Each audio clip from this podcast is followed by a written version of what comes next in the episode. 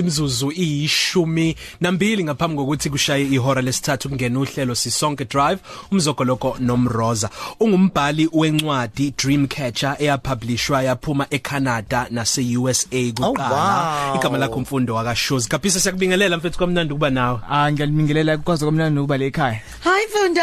Hi Selfie.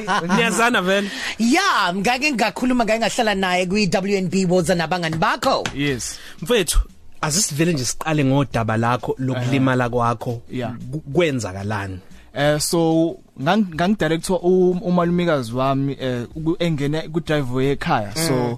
e driveway yasekhaya ke ishona phansi. So as engena e- at ku driveway imoto yaqala ukugijima. Yeah. So ngasikhathi ngithi ngiyayibalekela imoto unyawo lami labambeka lapho lanqamuka same time. linqamuka kusuka kuphi Ah linqamuka kusuka edolweni phoqo phoqo laphuma.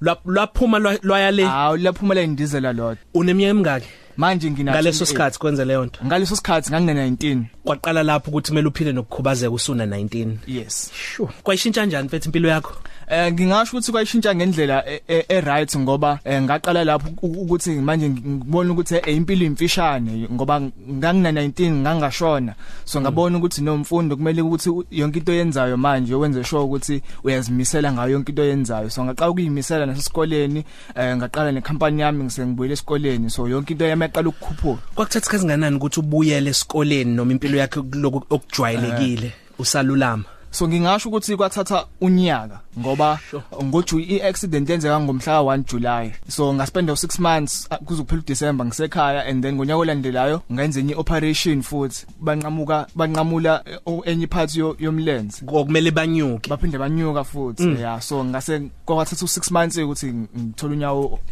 olusho ukuthi ngikwazi Oh. ukuhamba ufakele lo nyawo manje yeah manje ngifake lona ngihamba ngalo ukujwayela leyo mpilo usukujwayele manje ukwamukele noma kusabuye kube nenselelo usafikelwa ukuthi yini mina mhlawumbe Hmm. hayi no lokho anginakho eh ngingasho ukuthi kwayishintsha ngendlela eright impilo yami so akusiyonto ukuthi me- mengiyibuka ngiyibuka ngendlela errong mina ngiyibuka ngokuthi okay hayi iya- iyangisiza ngoba since kwenzeka leyo accident leyo im- ziningi izinto ezipositive esenzakalile empilweni yami ezenza ukuthi ngi- ngiqhubekele phambili ngoba manje nginencwadi eh ngiya- ngikhuluma phambi kwabantu eh, sengivule nama awards necompany yami iya- Wow. iya- iyakhula so if azange yenzeke accident kaba ngikho nami la manje So um yabo le ndaba m- m- mawikhuluma manje siyaqala phansi futhi ngiyayiphila nangalo suku lelo o- o- osixoxela ngayo ngo2015 so yeah anese kume ngathi kodwa ngiyaqala Mm. Yes. ukuyizwa kodwa umuntu ohlukile manje and usukhulile Yeah. Mm. mokusona ngo2015 ngathi usitshela kuze kube manje I mean manje usune company yakho njalo njalo Yeah. I mean sesikubone ngisho nakuma world stages I mean sukwasholisha stage nabantu abafana no Patrice Mutsipe Yes. Be- be- be- be- ku- ku- kunjani lokho and abantu bayithola kanjani incwadi yakho U- u- u- angisasho ukuthi esitolo ukuthi ba- bayithola kanjani ithini feedback mase bebuyela kuwena sebesho ukuthi hey kanje kanje kanje ubathinta kuphi A- Eh, abantu abaningi bathi uma sebeyifundile incwadi yami iyenza babone ukuthi banga- bangadlula kunoma isiphi isimo empilweni so iba- ibanikeza ukuthi is- iyabagqugquzela ukuthi you know what noma kungenzakala empilweni yakho kodwa ungakusebenzisa ukuthi uqhubele phambili nempilo so eh, abantu abaningi iyaba inspireisha and iyaba iyabathinta ngendlela eright yo mfethu ngishaqekile uvo lwethu communications inkampani Yes. yakho usitshela fushane ngayo eh ikhampani yami uvulethe communications into esiyenzayo senze public relations ah, senze nezinto zo social media digital marketing ah, ne branding brand ama company senze ukuthi abukeke ah, and into interesting ukuthi ikhampani yami ngaqala ngina 20 with only 1135.50 cents ngisenza i first year yami e DUT isiwenze malini manje no kuyasebenzeka because enye into esiyenzayo manje sizama ukuqhuze uqhuzulela abantu abamnyama kakhulukazi ukuthi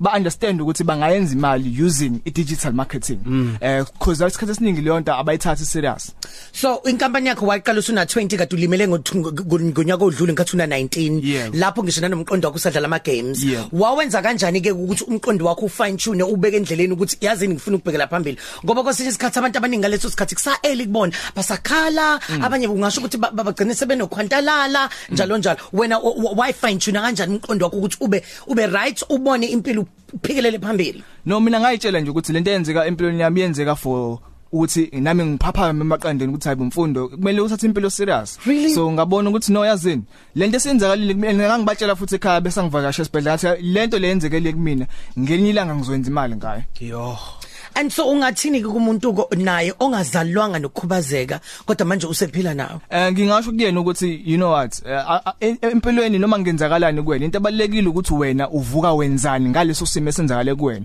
because impilo ziningi izinto ezenzakalayo kodwa into abalekile ukuthi wena usukuma wenzani lento emasenzakale kuwena uthatha i- i- ngendlela errong noma ngendlela eright uthenenzani lapha evolvet communications eh into esiyenzayo senza i-public relations senza i-digital marketing ne-branding and enye into esiyenzayo sine-course esifundisa osomabhizinisi abancane ukuthi bangakhulisa kanjani amabhizinisi abo. so uma mina no Sel Beyonce singathi sidinga ukufacelifta ama web iwebsite yethu social media ethu ngasenzela lokho yes nginganenzela lokho because into enye into esenzayo ngi- mina ngenze ne branding consultation ukuthi uyisebenzisa kanjani i-social media ukuthi wena as umuntu ube i-brand u- abantu bakubona ukuthi wenzani and bangakuthola kanjani ukuthi ukhule Siyavumelana siyavumelana manje moyeni sisebenzisa umfundo yeah sure Eh, and before usho enye into yeah. ngicela ukusho nje one thing eh ngomhla ka 17 September ngebirthday yami iclient lami langisendela ama screenshots ku WhatsApp lenza 30000 in sales ngosuku olulodwa using WhatsApp business nganifundisa ukuthi how do you use social media to grow your business WhatsApp business WhatsApp business ezomzo phela lezo ngithi umzo kuyiplatform ecishifana naleyo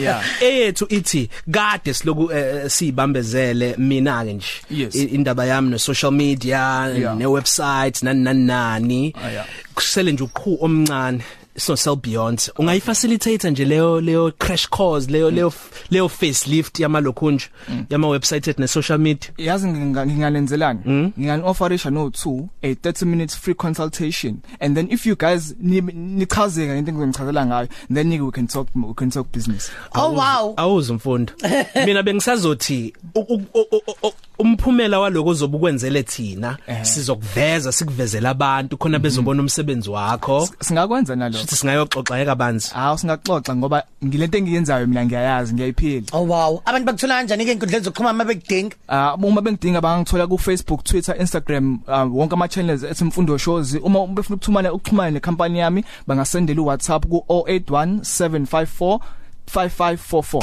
ilunch yakho ayifani neyayizolo